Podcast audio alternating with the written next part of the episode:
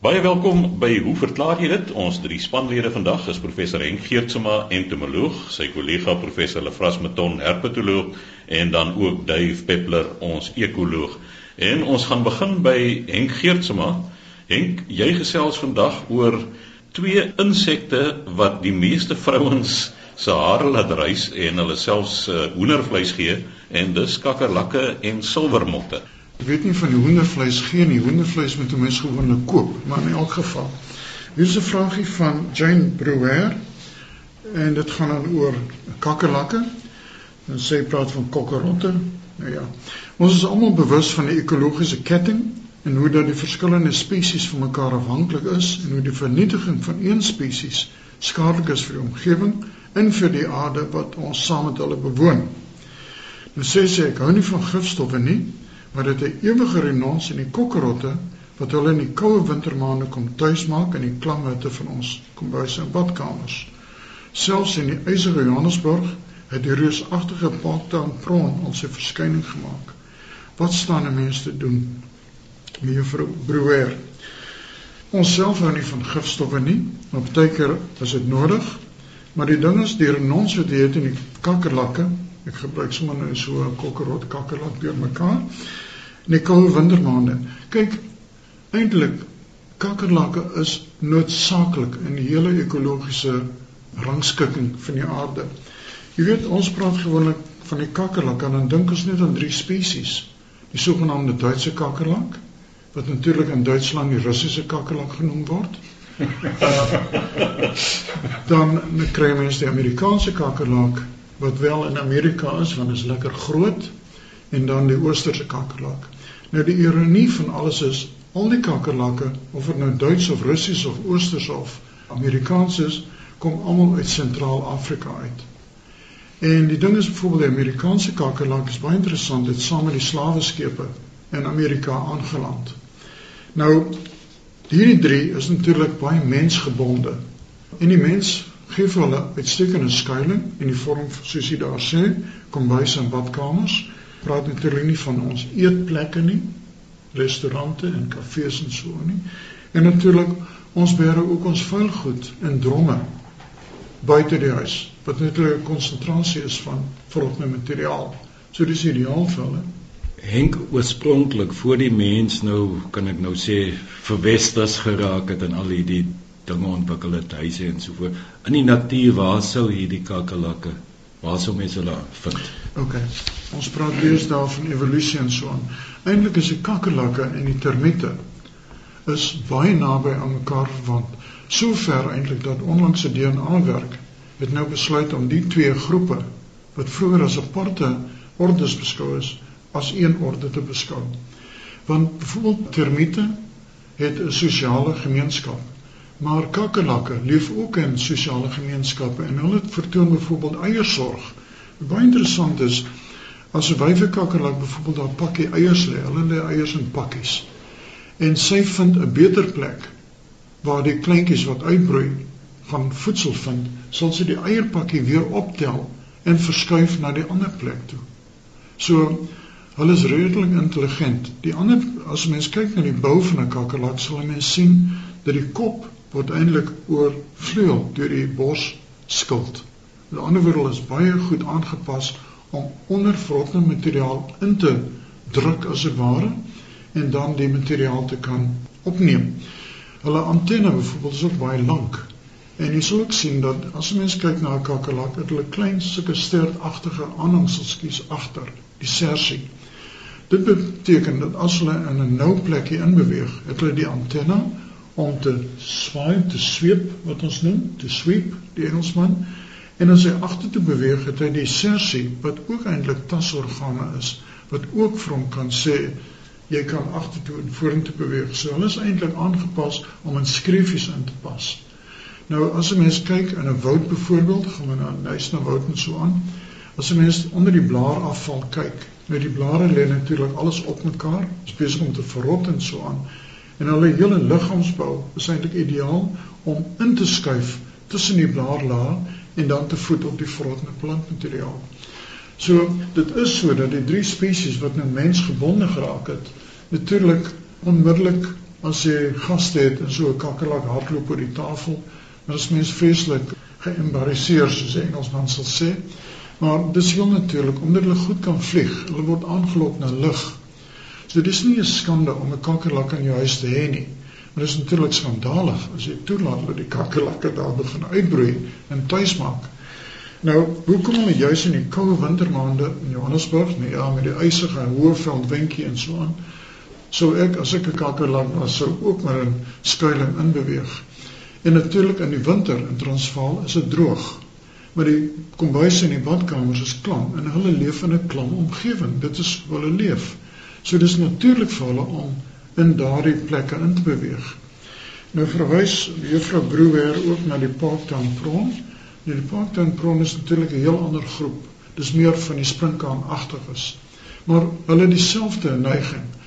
Daar is skuilings in die huis. Nie noodwendig voedsel nie, En kakkerlakke sal nie noodwendig voedsel in die huis soek nie, maar hulle soek skuilings. En as die skuilings nog klam is boonop en die temperatuur is aanvaarbaar, want kakkerlakke is eintlik tropiese insekte. Hulle hou van 'n bietjie hitte. Dan kan 'n mens verstaan hoe kom 'n mens in die huis kom. So, dis ook oplet ons vreeslik interessante perdebytjies. Ivanidae wat spesifiek die eierpakkies van kakkerlakke sal parasiteer. Nou hierdie perdebytjies het 'n agterlyfie wat net so lank is soos die perdeby se kop. Dis ongelooflik. Mense dink dat hierdie perdeby het nie agterlyf nie. Maar hulle spesialiseer op kakkerlak eierpakkies. So as mense hulle in die omtrek sien, dan moet jy ook weet mense te veel kakkerlakke in die huis. En die beste is om dan professionele mense te kry wat dan die regte insektemiddel kan gebruik in die huis. Maar buite in die veld en so aan is 'n kakkerlak absoluut nuttig in die ekologiese ketting want hulle breek plantmateriaal af sodat weer kan hersirkuleer in die omgewing. Henk keer in die veld as ek klippe omkeer dan is daar sulke swart, sulke plat is dit. Lyk vir my soos 'n kakkerlak, is dit dieselfde groep of is dit iets heel anderste? O nee nee, kyk, ons het baie interessante inheemse kakkerlakke. Ons het byvoorbeeld hier in die fynbos het ons Aptera.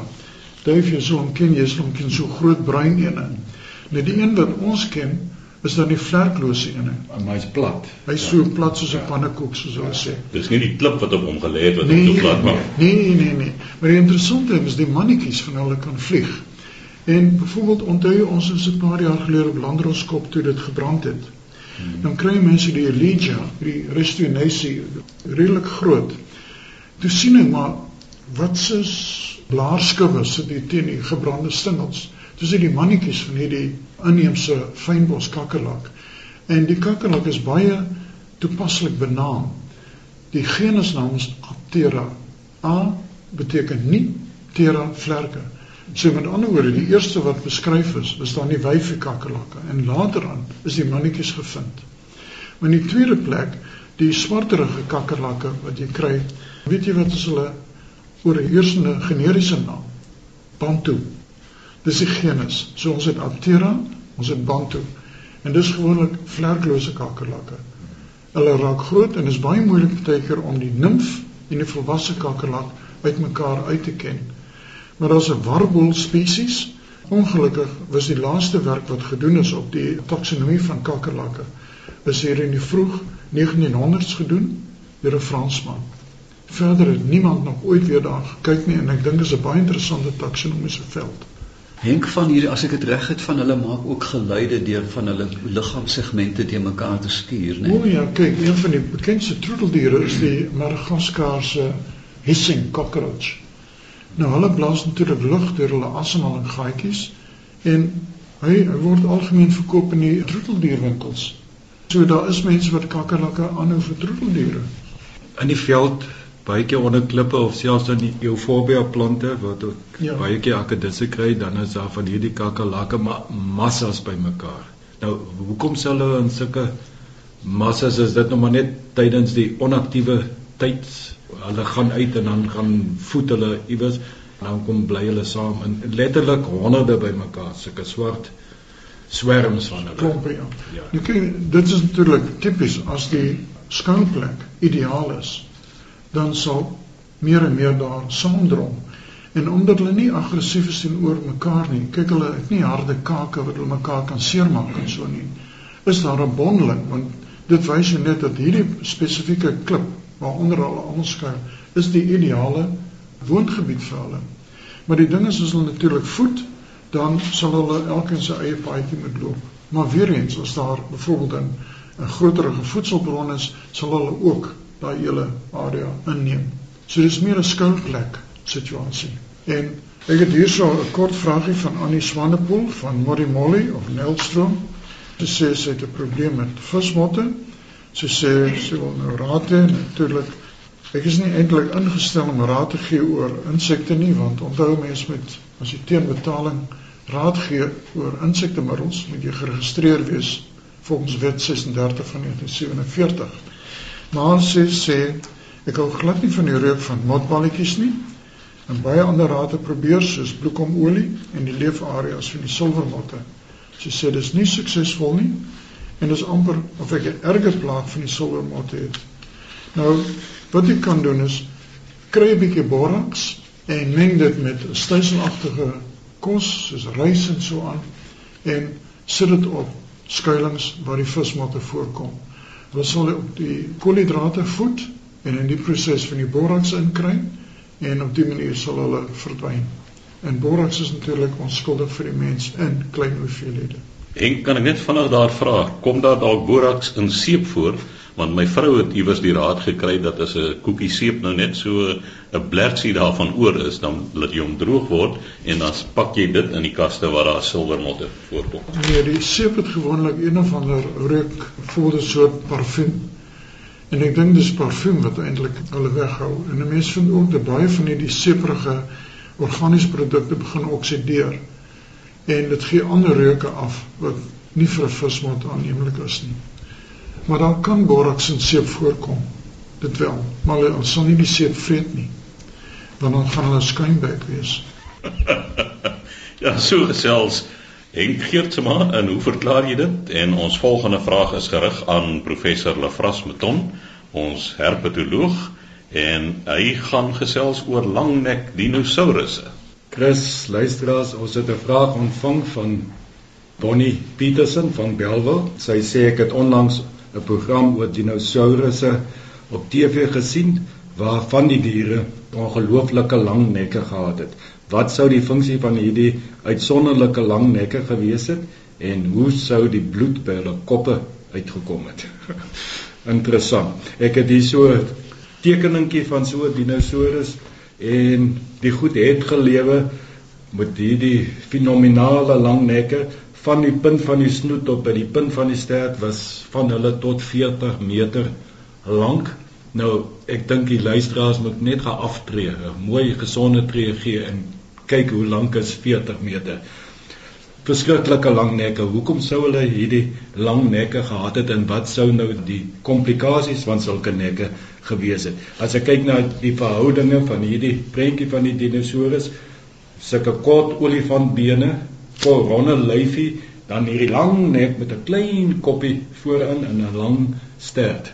So dit is dit is 'n lang nek. Aan die begin het die mense gedink ja, die goed het dalk onder die water gelewe en dat hierdie nekke nou so 'n soort van periskope is op bo die water of selfs te voet bo die water terwyl hulle die hele lyf onder die water is. Maar fossiele getuienis en ander omstandigheidsgetuienis dui daarop dat hulle wel op land gelewe het, hierdie groep met die lang nekke. So dit is seker so intuïtief voel mens dit moet iets met voeding te doen het en dit is die mees algemene aanvaarde teorie dat hulle nekke is so lank sodat hulle by die hoogste bome kan uitkom. Nou ons praat nou van baie miljoene jare gelede. Ek dink dit was nog die keel conifers, as die keelplante. Ja. En dit was groot bome en kompetisie was sterk. Die nekke is baie lank, so hulle sou daarbo kon bykom waar ander van die dinosourusse nie kon bykom nie. Lang stert ook waarskynlik vir balans. Die sterte het nie gesleep op die grond nie, die sterte was in die lug gehou. Ek maar bly daarvoor wat dink as so sterk van klomp meter gesleep word wat bly agter jy weet uh, so hulle word in die in die lug gehou. Toe nou so 'n uh, eh, klompie jare gelede het mense nou hierdie teorie dat dit bloot is vir voeding begin bevraagteken. Daar's met 'n nuwe teorie gekom dat hierdie nekke en die sterte so lank is as gevolg van geslagtelike seleksie. Met ander woorde, die mannetjies of van hulle baklei hierdie nekke word gebruik in interaksies tussen mannetjies. Die sterte word gebruik om te sweep slag en dat dit die druk veroorsaak dat hierdie nekke eintlik buitensporig lank is, nie vir voeding nie, maar interaksies tussen mannetjies. Nou, hulle het dit gebaseer op kameelperde se gedrag. Ons weet dat kameelperde het ook lang nekke, buitensporige lang nekke as ons nou ons ander soogdiere. Kyk en dit is gewis sodat daardie lang nekke hulle in staat stel om te voed op plekke waar ander diere nie kan voed nie, maar hulle het ook waargeneem dat die mannetjies gebruik daardie lang nekke ook te baklei en mekaar te stamp en te kandevul en op die koppe is daar ook allerlei horingagtige uitgroeisels. En wat belangrik is daar is dimorfisme mannetjies is langer en groter as die wyfies wat daarop dui dat dit wel so kan wees nou hoe sal ons nou weet of dit ook so is by is baie moeilik om te bepaal want ons sit net met fossiele. Ons kan nie hulle gedrag sien nie. Die aantal fossiele wat beskikbaar is is so min dat jy nie eens kan kyk of daar dimorfisme is nie of mannetjies wel groter is as wyfies. In die meeste gevalle kan jy nie eens die geslag bepaal van so 'n uh, ding nie. Maar hoe dit ook al sê, die goed kan mos saamwerk. Dit kan 'n rol speel by mannetjies interaksies geslagtelike seleksie en terselfdertyd die diere ook in staat stel om te kan voed op hoë plekke. Wat vir my persoonlik interessant is, hoe hoe sou die bloed by die kop uitkom? Kom ons sê dit is 20 meter of 16 meter. Hoe groot moet daardie hart wees as daardie ding nou sy kop regop lig om daar bo te eet? Die pomp. Die pomp. Dit moet 'n massiewe pomp gewees en nou hulle ek het iewers gelees hulle praat dat net die hart van so 'n ding tot oor 'n ton geweg het. Dink 'n hart oor 'n ton, dit is 'n massiewe hart. Dan is daar ook moontlikhede dat daar kleppe al op was een rigting kleppe en dalk nog addisionele klein kom ons noem dit maar hartjies, klein pompies op pad na die kop toe. Dan aan die ander kant as mens na die grootte van die kop kyk, dan het hy klein breintjie nie baie suurstof nodig nie. So hy kan seker maklik met 10 minute of meer maar die kop in die lug hou en daar's geen skade nie. Wat ook interessant is is van hierdie dinosoure se nou nie hierdie lang nek goed nie, maar van die ander het iewers agter in die by die basis van die stert eintlik nog addisionele breine gehad want mens kan nou dink hierdie massiewe lywe elke spier Dit moet gekoördineer word deur 'n sentrale senuweestelsel en daarvoor het jy 'n redelike brein nodig. En van hulle het dan nou hierdie addisionele breine gehad. Ek dink hulle kon dit sien uit die aard van die beenstruktuur dat daar sulke breine teenwoordig was. Ek sien in 'n Lefras in 'n anatomie teksboek 'n gedig van Taylor met die naam The Dinosaur wat sê behold the mighty dinosaur famous in prehistoric lore not only for his weight and length, but for his intellectual strength. You will observe by these remains the creature had two sets of brains. So jy's dood reg. Erns was daar verdikking heel moontlik ja. van ganglia.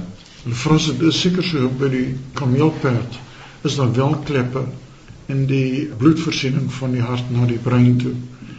En wat vir my baie interessant was, dit jy weet die lengte van die kameelperd se nek Dit is my verbasing om te lees dat daar's net sewe nekwervels, net soos by die klein muisie. Dis nie die nekwervels wat baie verleng is. Die ander vraag wat ek vir jou wil vra, daai lang kop van hierdie dinosourusse, sou dit ook nie kan wees om vyande te kan waarneem nie. Heel moontlik aan daardie tyd was alles was ekstra groot die predatore was ekstra lank tande gehad. Ja, dit klink na 'n goeie gedagte ook om verder te kan sien. Ja, soos 'n periskoop soos wat as hulle in water geleef het, dat hulle so bo die bome daai periskoop kon uitdruk en 'n bietjie rondkyk. As hy Tyrannosaurus Rex aangestorm kom, kan hy dan dak. Maar hierdie storie van die water Is dit nie omdat die water gee 'n bietjie meer dryfkrag in die liggaam, dat die liggame van die vroeë uh, dinosourusse so groot was en baie van hulle het in morasse en so aan beweeg? Ek kan nogals dink as hierdie dier in 'n moerasomgewing waar dit is wat dit dik modder is en moeilik is om te beweeg, dan sou hy op een plek kon staan en in 'n groot gebied kan voed sonder om om sy lyf te verskuif of Want as jy uh, sê dat die harte tot 'n ton geweg, ek meen as hy dan in water is, dan sal die ja. hart makliker wees om te dra as dit ware. Dit is wel so van die grootste dinosourusse was wel in water en die water het hulle ondersteun en dit is hoekom hulle so groot was. En dan die ander vraag wat ek vra, kyk die koppe was klein. Nou ek vermoed hulle was dan plantvoeders. Nou die kop is klein, die kake is klein omdat die plante is watergeplante.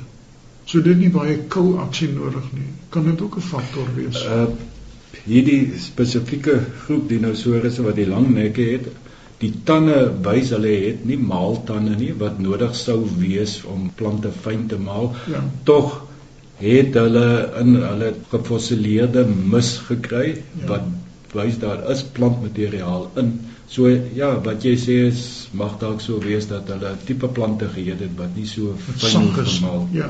te word nie. Natuurlik die goed moes baie geëet het vir daardie groot lywe.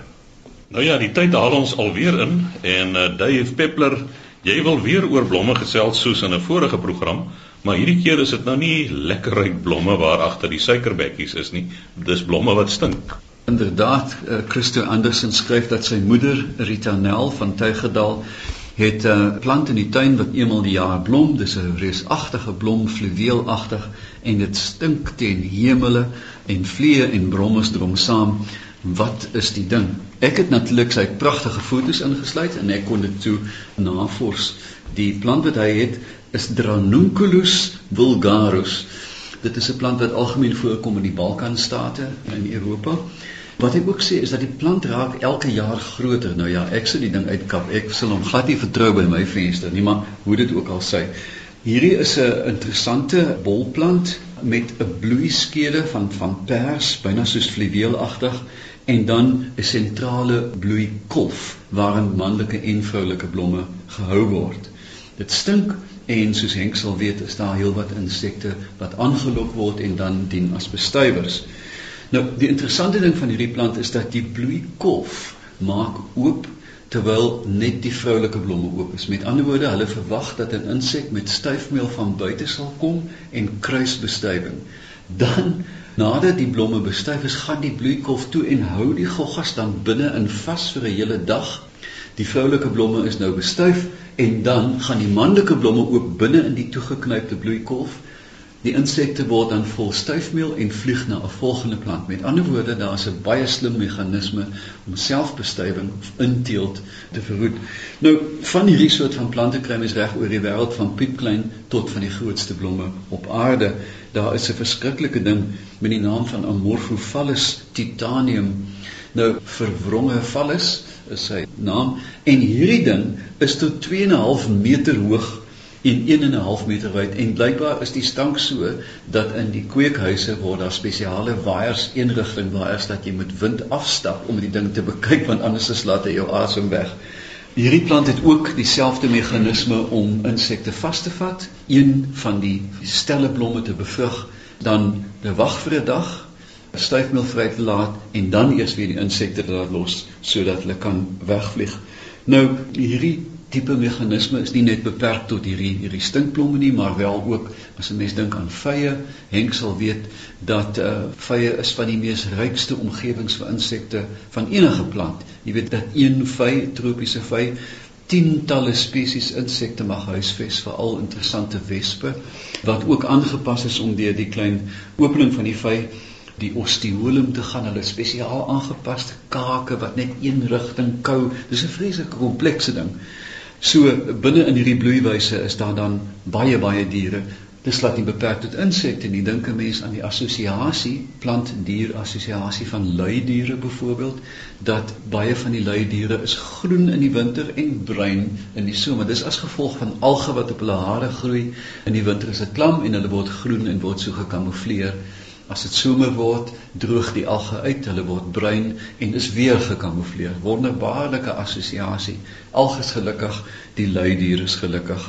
So mense kry ook by yucca plante Henk ek verstaan daar's 'n mot wat spesifiek net op die yucca voorkom. En hierdie mot uh, pas uitsluitlik soos in 'n legkaart in die yucca blom in. Daar lê hy sy eiers maar daar kry hy ook sy sy lê die eiers. Ekskuus jammer.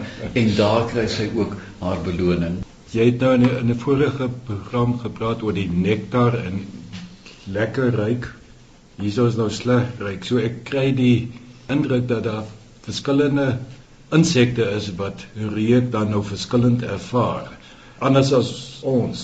Die ding is die aasblomme ruik na verrottende vleis natuurlik. Nou daar is gewoonlik as 'n mens vis byvoorbeeld laat verrot, dan is daar een komponent, skatol. Nou skatol word redelik algemeen in die natuur vrygestel en dit is nou die wat die lekker reuk vir die brommers en so gee. En mens kry dit by die aasblomme né, nee, stapelias en die tipe goed. Is hierdie besondere blom, is dit lyk dit soos 'n varkoor? Nie net lyk dit na 'n varkoor nie, maar is na verwant aan een. Dit is van die familie Arium. So dit kom, hulle is baie na mekaar verwant in in in die meganisme alhoewel ons blomme nie stink nie. Maar 'n mens dink ook net laastens dat dit baie gevorderd kan word in die fynbos byvoorbeeld tussen grondproteas en muise. Nog 'n assosiasie. Die blomme is laag teen die grond. In die nag skuil dit dan 'n reukstof af en die Namakwa klimmuis, Ethemus namaquensis, kom sniffel rond vir sy beloning en stap met 'n bek vol styfmeel na die volgende blom. So ek dink die wêreld is is deurspek van hierdie wonderbaarlike interessante laag. Dit is byna soos 'n ui wat jy oopvlek en jy kry interessantheid op interessantheid en hoofsaaklik simbiotiese assosiasies. Ek wil net die luisteraars verwys na 'n pragtige DVD Sexual Encounters of the Floral Kind wat deur Kirstenbos bemark word. En dit is werklik die moeite werd om so kinders nie weet wat om te doen om hulle dit te laat sien hoe wonderlik sekere plante aangepas is om bestuiving toe te laat eintlik. Sexual encounters of the floral kind. Nou ja, daar in die tyd ons ongelukkig te gou weer ingehaal. Ons sê baie dankie aan Duif Peppler, ons ekoloog, professor Henk Geertsma, entomoloog en dan ook professor Lefras Meton, herpetoloog. Skryf gerus aan, hoe verklaar jy dit? Posbus 2551 Kaapstad 8000 of stuur 'n e-pos aan chris@rsg.co.za www.co.za